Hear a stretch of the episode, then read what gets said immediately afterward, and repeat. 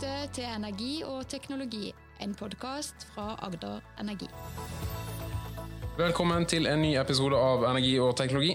I denne episoden skal vi snakke om den europeiske klima- og energipolitikken og konsekvensene det har for Norge og norsk næringsliv. For hva er det egentlig som skjer når vårt viktigste marked setter enda mer fart i grønn retning? Det har vi invitert særdeles kompetente gjester til å diskutere. Vi har med oss Bjørn Haugland, som er leder i næringslivsnettverket Skift, som jobber for at Norge skal nå sine klimamål innen 2030.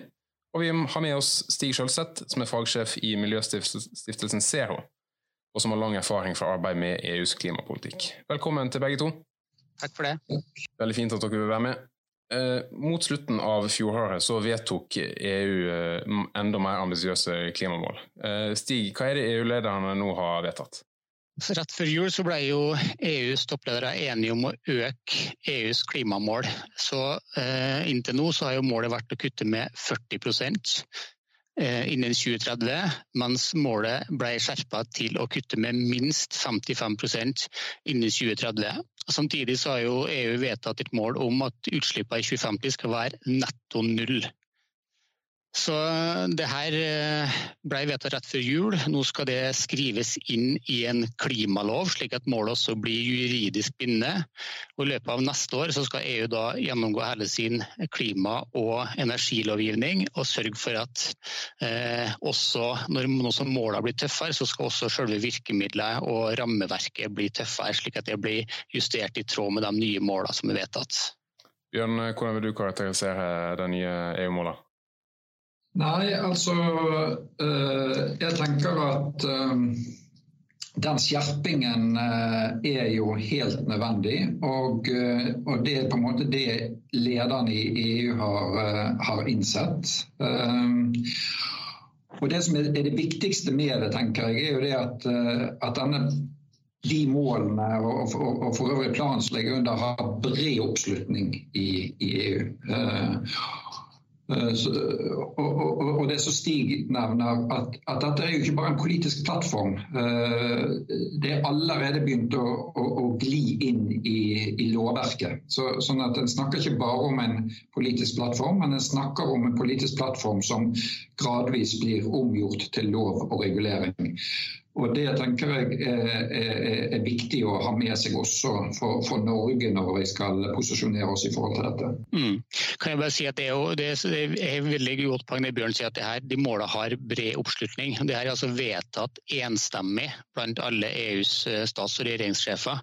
Slik at det er nå full oppslutning om, om måla og retninga som EU skal gå i. Og Den retninga er mot nullutslipp og mot rask utfasing av, av, av olje, kull og gass. Eh, så er det selvfølgelig viktig å si at det er en stor jobb som gjenstår. For nå må man gå gjennom eh, regelverket på, for eh, fornybar energi, for kvotesystemet, for den innsatsforordninga som ligger utenfor, altså de sektorene som ligger utenfor kvotesystemet, også for energieffektivisering. Så det er en veldig stor jobb å få det her inn i konkret regelverk. Men det at man har en enstemmighet blant alle EUs medlemsland, både om målet for 2030 og nullutslipp i 2050, er jo veldig viktig. Ja, og jeg, tenker det um, på en måte Her hjemme er veldig mye av fokusen på 2030-målet. Uh, og det, det, er jo litt sånn norsk tradisjon, for vi har hatt 2020-mål og vi har hatt våre 2030-mål. Men jeg tenker det viktigste med denne planen er jo det at han har nullutslipp i 2050. Så Sånn sett er 2030 på en måte en sånn løypemelding på den veien. Og jeg tror veldig mye av tiltakene som blir nå satt i verk, det er åpenbart for å nå målet i 2030, men det er primært for å støtte den omleggingen som skaper nullutslipp i 2050. Sånn at det, det er 2050-målet som er veldig mye sånn dimensjonerende tenker jeg, for, for tiltakssiden her. Eh, dere var inne på at det har jo begynt å manifestere seg gjennom, en, gjennom lovverket allerede. og det vil dere si det er overraskende at det har vært så stort trykk på det gjennom hele fjoråret, gitt den konteksten det har vært i, i, i resten av samfunnet med, med koronakrise og arbeidsledighet og økonomisk eh, tilbakegang jevnt over. Eh, hva sier det om, om om, om, om EUs uh, vekt, hva slags vekt den legger på, på klimaspørsmålet i EU? Ja, hvis jeg får starte på den, så vil jeg jo si at det, det bekrefter jo bare eh, at dette er en veldig stor forpliktelse, og at Green Deal er en av de virkelige store satsingene som gjennomsyrer hele EU-politikk, og det har ikke ramla av agendaen i løpet av, av koronaåret. Og et uttrykk for det er jo at uh, i de uh, budsjettene altså EU, Før jul så vedtok også EU sitt neste budsjett for, for den neste fireårsperioden, eller femårsperioden er det vel. Og de vedtok en, en stor krisepakke som kalles Next Generation EU. Og i de krisepakkene Eh, eller i, både i budsjettet og krisepakken, så har man forpliktet seg til at minst 30 eh, av pengene skal gå til grønne formål, skal gå til grønn omstilling. Og Til sammen så er det snakk om over 500 milliarder euro. Så Det gjennomsyrer jo hele EUs politikk, og det gjennomsyrer også de eh, budsjettene og krisepakkene som er vedtatt i forbindelse med koronaen. Og, så tenker jeg at igjen, Det heter uh, det, det, Green Deal, og det omtales veldig mye i et sånt klimaperspektiv. Men, men, jeg tror det som er også viktig, at dette er jo en, er en omstillingsplan for Europa. Det, og den handler om klima- og omstillingspolitikk. Han har uh, sirkulærøkonomi veldig sterkt integrert. Så han handler om vekst, men en vekst som er ressurseffektiv. Men han handler også om sosial rettferdighet. Så, så han bygger på en måte på en helhetlig omstilling, eh, der en skal ha alle med. Og der en skal åpenbart nå disse klimamålene som vi snakker veldig mye om, men som er egentlig mye bredere omstilling som sådan. Og det, og det er det som er også styrken i den, tenker jeg. At, at dette er en helhetlig plan. Uh, og det er ikke bare en, bare en klimaplan, det er en helhetlig omstillingsplan. Og, nei, og, og nettopp det er, er, jo litt av det som, som dere er opptatt av i Skift, uh, Bjørn, med, med de mulighetene en omstilling av hele økonomien gir for, for næringslivet. Både hva slags, hva slags verdiskapingsmuligheter det gir, men òg hva, hva slags ansvar eh, eh bedriften har. Eh, vet ikke om du kan si litt om, om hvordan norske bedrifter forholder seg til, til det? Ja, altså Hvis vi begynner litt sånn overordnet, så, så vil jo det sier at dette er jo, det vi snakker om EU er jo våre nærmeste venner og vårt største marked, for å si det sånn. Så, det, så det er jo det, det er viktig for, for, norsk næringsliv å være klar over, og det er norsk næringsliv klar over. Og, og Hvis vi ser da i et sånt perspektiv som Green Deal eh, omfatter, så er det jo sånn at All næringsliv som slipper ut CO2, som forurenser, som innebærer dårlig ressursutnyttelse, vil over tid oppleve nedgang. Mens alt som er med på å kutte klimautslipp, redusere miljøpåvirkning og stimulere til god ressursutnyttelse, vil se vekst. For, for det er de løsningene på en måte EU trenger for å nå, nå sine mål. Så, så, så, I et sånt norsk næringslivsperspektiv så vil jeg bare si at, at, dette betyr masse muligheter. Det betyr muligheter for norsk teknologi, det betyr muligheter for norsk industri. Gitt at vi får si, farten opp eh, og, og, og, bygger disse klimaløsningene eh, i Norge med et øye for markedet eh, ute i Europa. Så så jeg tror at dette handler om en omstilling. Det handler om en omstilling til noe som er bedre enn det vi har, og det handler om masse forretningsmuligheter for, for norsk næringsliv.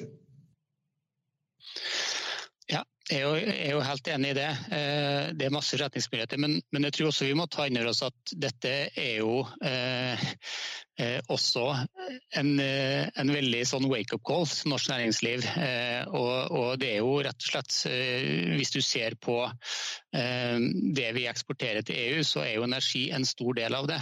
Eh, altså EU er jo i praksis vårt eneste marked for gass, og det største marked for norsk oljeeksport.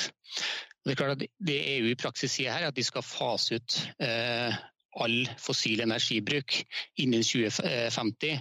Og det skal kuttes dramatisk innen 2030. Eh, det EU-kommisjonen selv sier når de har gjort konsekvensanalyse av forslagene og de nye målene, er jo at oljeetterspørselen kommer til å falle med 30% innen 2030, og etterspørselen etter gass med 25% innen 2030. Og det, er sånn, klar, så, så, så kan, det er sånn så klart du kan si det til en energieksportør. At hvis du skal fortsette å eksportere energi til Europa, så må du eksportere noe annet enn fossil energi. Så Det må være eh, fornybar kraft eh, gjennom kraftutveksling. Eh, det Vi må satse på kanskje på havvind, hydrogen eh, og selvfølgelig på grønn industri. Der ligger næringsmulighetene. Men som energieksportør, eh, som er vant til å eksportere fossil energi til Europa, så er jo dette en seriøs wake-up call for hele norsk næringsliv. Lytter, lytter norske myndigheter på det du gjør, syns du? Jeg tror eh, jeg tror eh, man ser den tegninga veldig klart. Eh, og det er klart, Norge gjør jo nå mye. Altså Hvis du ser på hydrogensatsinga som begynner å spire opp i Norge, så er det selvfølgelig veldig mye positivt som skjer der. Det er veldig mange planer i industrien. Vi gjør jo veldig mye som kan også gi eksportmuligheter. Og det at norske lobbyinteresser og norske myndigheter i det forrige tiåret har eh, vært veldig opptatt av å snakke om gass. Eh, både som en overgangsteknologi og som, eh, for å fase ut kull i Europa, og på gassens muligheter i industri og husholdning og andre sektorer. Den tida tror jeg er forbi. Nå tror jeg man skjønner at gassens rolle kommer også til å være begrensa. Eh, og hvis, skal, eh, hvis, gassen skal ha en framtid som stor eksportnæring, så må vi faktisk eh, avkarbonisere den før den eksporteres ut i det europeiske markedet. Altså, jeg er helt, helt, enig med Stig. og som sagt Perspektivet å være, være norsk eh, energieksportør, eh, så, så, betyr eh, EUs Green Deal det som han snakkes om, og det er omstilling. Så det vil si at vi må gjøre ting annerledes fremover. Eh, markedet for det vi har levd godt på lenge, blir mindre. Men jeg vil likevel si det at, eh, at i det ligger det muligheter. Eh, og, og jeg er også optimistisk for at det foregår en realitets justering nå i, i, i, i, norsk politikk også i forhold til dette. Um, og, og um, uh, en av de viktigste måte, mekanismene som nå ligger under Green Deal, det er jo denne grønne taksonomien, som også på en måte definerer veldig tydelig hva som er grønt og ikke grønt. Og, uh, og i så måte tar litt teppe under det som kanskje har vært litt sånn grønnvaskningshistorier, eh, også fra Norge, i forhold til en del av, eh, av eh, våre produkter mot, mot, EU. Så taksonomien kommer til å være et ganske kraftig instrument for å få til det grønne skiftet. To ord bare om, om hva taksonomien er for, for de som ikke er så bevandra i det. Jeg vet ikke hvem som har lyst til å definere Det må Stig ta, det er han som er spesialisten.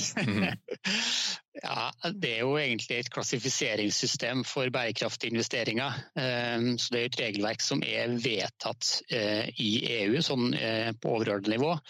Men så er det jo nå har vært en høringsrunde før jul for å bli enige om vedlegger som faktisk eh, helt konkret spesifiserer hva det er som skal klassifiseres som bærekraftig. Og det er jo, dette er jo egentlig først og fremst for finansnæringa. Det kommer til å bli et ekstremt nyttig verktøy for å klassifisere hva som er eh, en, en bærekraftig investering. Eh, det er noe som er etterspurt lenge fra finanssektoren sjøl. Eh, at man skal ha tydelige retningslinjer for det, slik at man kan være enige om hva det er som som faktisk kan være både i tråd med eh, Parisavtalen og i tråd med FNs andre bærekraftsmål. Så Det kommer til å bli et nyttig verktøy, men jeg tror det er et poeng som Bjørn sier, det kommer også til å spille over i politikken. Når man skal begynne å fordele penger både i EUs ulike støtteordninger, fond, infrastrukturprosjekt, så kommer investeringene til å skje i tråd med det som er i taksonomien. Um, og Det betyr jo f.eks. at infrastruktur for, uh, for gass og annen uh, fossil energi kommer til å være uh, ekskludert. og så kommer det til å bli pengestrømmene blir styrt mot det som er bærekraftig i et, i, et, langsiktig perspektiv. Og det, det kan også ha, altså Hvis du tenker norsk målestokk, så kan jo det på sikt f.eks. ha noe å si for Eh, hvilke kriterier Enova bruker for å tildele penger til ulike prosjekt. Men vi er ikke helt der ennå. Først og fremst er det for eh, klassifiseringssystem for finansnæringa. Mm, og så har det vært litt eller, I første rekke oppmerksomhet i Norge har vært om, eh, om, om vannkraft og eventuelle eh, vanskeligheter der fordi det, blir stilt høyere, det kan bli stilt høyere dokumentasjonskrav til, til vannkraft som en ren energikilde. Um, det har det vært, og den håper jeg de greier å, å, løse. Og Det er jo ikke sånn at vannkraft ikke kommer til å bli klassifisert som bærekraftig, men det kan bli stilt med krav til dokumentasjon for at de skal bli det. Uh, men det er jo blant de detaljene de forhandler om nå, når de skal liksom helt ned på kriterienivå. Men, men, jeg tenker det er også på en måte viktig når du, når du ser dybden av, av, eh, av EU sin Green Deal, altså hvor høy vektlegging de gjør av, av eh, natur og biologisk mangfold. Sånn at igjen eh, det, det, det, EUs sin Green Deal er ikke en klimaplan, det, er en ganske helhetlig perspektiv for omstilling. Eh, der energi er viktig, der industri er viktig, men også biologisk mangfold er en, en, en viktig, og, og, og, jordbruk en viktig komponent av dette. Så, så, um, så det, det, det, syns jeg er betryggende, for det viser at, at, at, hele planen og hele omstillingsplanen er basert på, på dyp kunnskap. Mm, nå, nå, har vi vært innom eh, enkelte sånn konkrete eh, av tiltakene og planene. Hvis dere skulle eh, i, i Green Deal, eh, hvis dere skulle løfte fram deler og initiativ som er viktigere enn andre for, og, og for Europa, men kanskje også særlig for, for, norsk næringsliv og norske bedrifter, hva vil dere legge vekt på, på da? Eh, altså det, det, er jo veldig godt poeng det som Bjørn har, det, det, det, her er en helhetlig plan for omstilling av, av hele økonomien, omstilling i alle sektorer. Men jeg tror nok for norsk perspektiv så er det faktisk klima som er viktigst. Eh, det er det klimamålet som nå blir skjerpa. Det kommer til eh, kommer til å få konsekvenser for Norge. Eh, og ram, altså de andre eh, eh, områder, eller det andre regelverket som er knytta til klimamålet, som handler om kvotesystemet, eh, som kommer til å strammes til. Altså, I dag har vi hatt all time high, i dag er det torsdag. 7. Eh, januar er det vel. Eh, da, da, har vi hatt all time high i det europeiske kvotemarkedet. Pris, priser på over 30 euro eh, for å slippe ut et tonn med CO2. Eh, og det, prisen har jo steget jevnt og trutt i tråd med at det har blitt mer og mer sannsynlig at målet skulle bli vedtatt.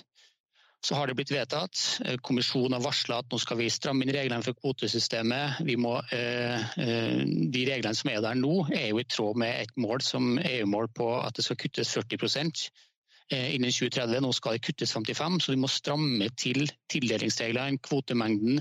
Hele systemet må skjerpes, så kvoteprisen eh, kommer jo etter all sannsynlighet til å øke fram mot 2030. det er en veldig viktig rammebetingelse for norske bedrifter. Og så har du da selvfølgelig reglene knyttet til fornybar energi, energieffektivitet, og også den innsatsfordelingsforordninga som det heter, som da er de sektorene som er utenfor kvotesystemet. Eh, og eh, vi tar opp det her på torsdag. I morgen kommer Norge til å legge fram eh, klimameldinga, som er Norges klimaplan for, for 2030. Der har jo regjeringa lagt til grunn et mål om at du skal kutte 45% i de sektorene som ikke er omfattet av kvotesystemet. Den 45 er jo egentlig utforma i tråd med det gamle EU-målet, altså et kutt på 40% og en rimelig andel for Norge i forhold til det målet. Nå har EU sagt 55 eh, så klimameldinga er jo egentlig, vil jeg si, eh, ikke kalibrert i forhold til EUs nye mål. Eh, Norge og alle andre land må gjøre mer hvis EU skal komme til et kutt på minst 55 så Den klimameldinga kan jo risikere å være, om ikke utdatert, så i hvert fall at det vil bli behov for å stramme den til underveis for at Norge skal ha et rimelig bidrag til det overordna EU-målet. Ja, og, og, så tenker jeg at liksom, du, du, du, spør litt sånn norsk næringsliv. og da vil jeg i hvert fall si liksom, sånn tre store bolker som jeg tenker er, er, er viktige, der vi både blir påvirket og det er muligheter. og Det ene det er jo det vi har vært innom. altså Alt som går på energiomstillingen og elektrifisering. Eh, der kommer det til å bli masse omstilling. Strømproduksjon skal bli fornybar.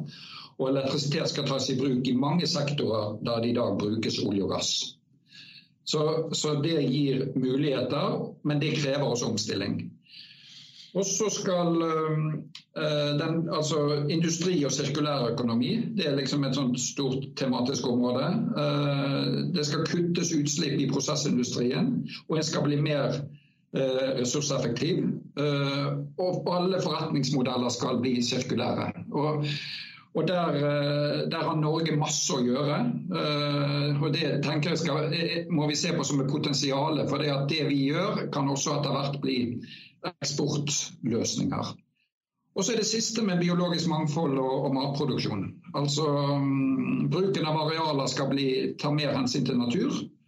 Og hele landbruket, og da, da snakker vi om det norske landbruket og det europeiske landbruket, må bli mer klima- og miljøvennlig. Så Innenfor disse tre områdene så skjer det stor omstilling.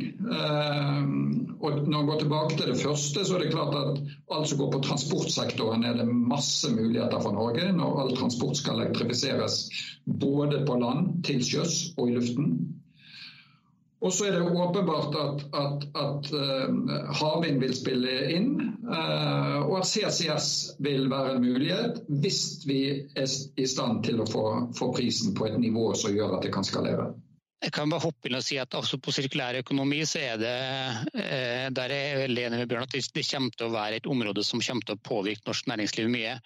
Og det, Der kommer det jo til å komme eh, mange flere reguleringer fra EU som vil påvirke direkte eh, kanskje særlig byggenæringa, handelsnæringa, avfallsbransjen. Det kommer til å komme produktstandarder og krav som gjennom EØS-avtalen blir direkte gjeldende for, norsk, eh, norsk, for Norge også.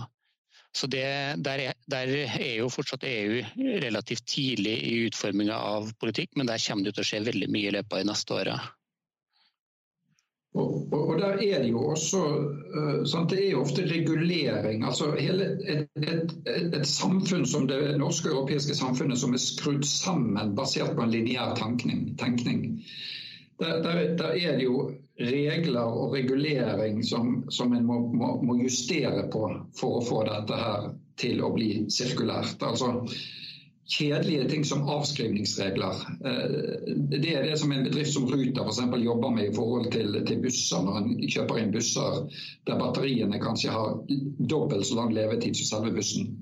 Hvordan skal du da ha avskrivningsregler som gjør at en tar hensyn til det? Eh, så, så så her er det masse politikkutforming å gjøre for å tilrettelegge for at næringslivet på en måte blir mer sirkulært over tid. Mm, og en, en, lærdom av uh, hele den taksonomidebatten f.eks. er jo at det er veldig mye politikk som kan skjule seg ganske langt nede i, i, i, i materien, og som er kanskje skjult for, for, for uh, ja, den gjengse politiker eller vanlige innbygger òg. Um, hvis dere skulle komme med en oppfordring til norske politikere når en skal begynne å utfor, eller fortsette å utforme uh, den norske klimapolitikken og når en kommer med en ny klimamelding, um, hva er det viktigste å ta med seg fra, fra, fra Green Deal og, uh, som en må uh, ja, når en skal utforme norske tiltak og norsk politikk videre? Jeg tror altså norske, politiske miljøet i Norge og departementet følger jo veldig godt med på det som skjer i EU. De har full kontroll over hva vi må gjøre eh, når det gjelder å tilpasse oss regelverk. og De er for så vidt også med i mange arbeidsgrupper som har mulighet til å påvirke regelverket både i kvotesystemet og de sektorene utenfor kvotesystemet eh, og i energisektoren. Så, så, vi følger godt med. Men eh, hvis vi tenker på den klimameldinga som kommer i morgen, så hadde jo jeg egentlig ønska meg at den skulle være en, en, eh, klimaplan for å kutte alle Norges utslipp, og ikke bare de som var omfattet av kvotesystemet. Og Det er egentlig to grunner til det. Eh, den første er det som er nevnt i stad, at ambisjonsnivået sannsynligvis er for beskjedent i forhold til det skjerpa eh, klimamålet vi nå har fått i EU. Det svarer egentlig på EUs klimamål fra 2016 om å kutte med 40 og ikke EUs klimamål fra som vi har nå, om å kutte med minst 55. Ehm, og det andre er at det kommer til å komme endringer i inndelinga av sektorer. Altså, Skipsfarten kommer sannsynligvis til å bli inkludert i kvotesystemet. Ehm, det kan også skje med transportsektoren og, og, og det som kalles husholdningssektoren i Europa, som ikke er så stor i Norge, men som er stor i Europa. Så det kommer til å komme endringer. Så det betyr at den klimaplanen som regjeringa legger fram, som de sier at dette er vår klimaplan til 2030, det kommer sannsynligvis ikke til å være en klimaplan til 2030. For det må både jekkes opp i ambisjonsnivå, og det må kanskje justeres eh, i tråd med de endringene som skjer i rammeverket til EU. Så en robust klimaplan for det neste tiåret ville jo vært å si at vi skal kutte 55% i Norge, sånn som vi har meldt inn til Parisavtalen. Eh, og Det ville både møtt ambisjonsnivået og det ville vært liksom satt en, den overordna retninga for omstillinga av alle sektorer i Norge, også industrien og petroleumssektoren, i tråd med det overordna målet man har i EU. Det ville vært en plan som hadde stått seg bedre det neste tiåret. Ikke, man skal kanskje ikke gjøre en for stort poeng av å diskutere mål og sånn, men Målet er viktig, det setter retninga for politikken. Vi kommer til å ha mye klimapolitikk, også på industrien og, og, og petroleumsnæringa. Eh, så, så, jeg tenker jo at eh, det som hadde vært en, en mer robust klimaplan for det neste tiåret, ville vært å satse som mål at norske utslipp skal kuttes med 55% og det skal gjelde alle utslippene vi har i Norge. Helt, eh, helt enige. Og det er noe med den, den, helhetstenkningen som på en måte EU jobber med, som jeg, jeg, jeg noen ganger savner her. Eh, og, og det som Stig tar opp med, med, at nå lanserer vi denne for, for ikke-kvotepliktig sektor. Eh, og så vil vi måtte justere den både i omfang og, og antakeligvis mål fremover. Det, det, er helt vesentlig. Og, og, Det er jo en sånn kontekst jeg skulle ønske at norske politikere ikke bare for å bruke sånn dilter etter EU.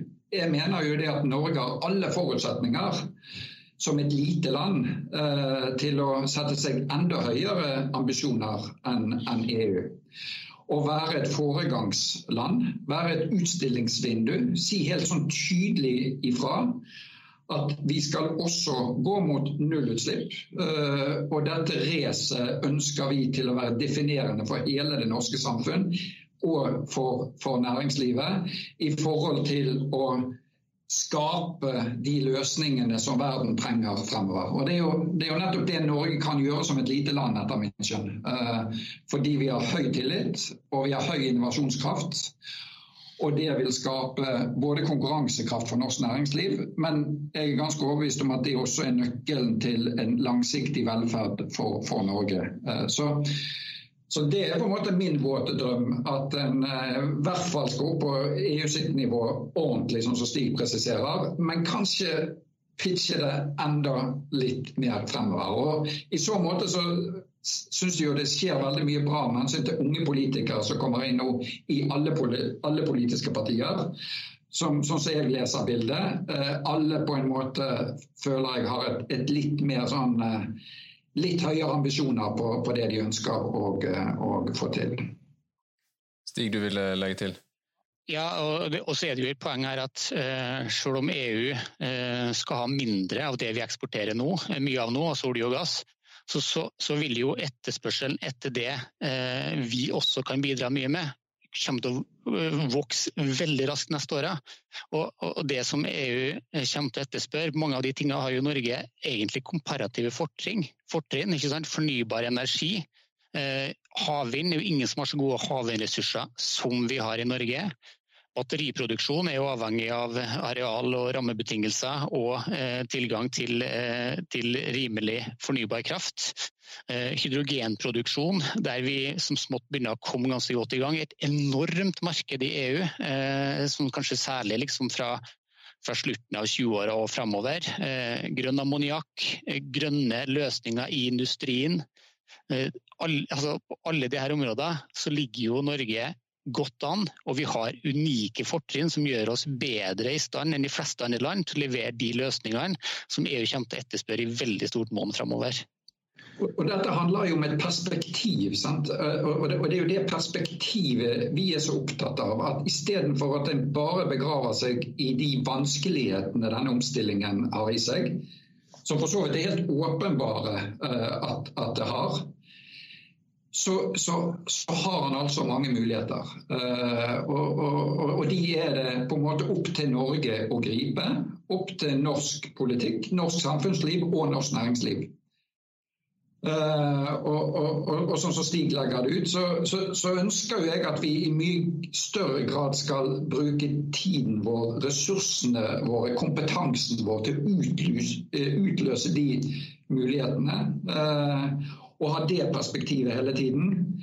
Istedenfor at vi skal bare snakke om hvor vanskelig og krevende det blir eh, å, å, gjøre den omstillingen. For jeg tror at behovet for de nye tingene vil i stor grad langt på vei utligne eh, kan du si, reduksjonen vi får på de eksisterende tingene som, som markedet eh, trenger mindre av fremover.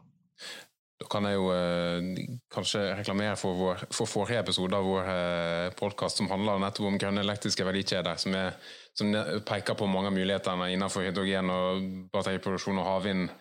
Ja, og nye eh, interessante næringer der Norge har fortrinn som, som eh, dere peker på. Men jeg tror det kan være en grei plass å uh, sette en strek for, uh, for dagens uh, podkast. Jeg skal takke Bjørn Haugland og Stig Sjølseth for at dere var med i Energi og teknologi. Mitt navn er Harald Wengen. Jeg vil takke lytterne for at de lytter til oss. Så skal jeg minne om at podkastene våre er tilgjengelige på ae.no podkast. Eller at jeg kan abonnere på podkasten der du vanligvis gjør det, sånn som i Apple Podkast eller i Spotify.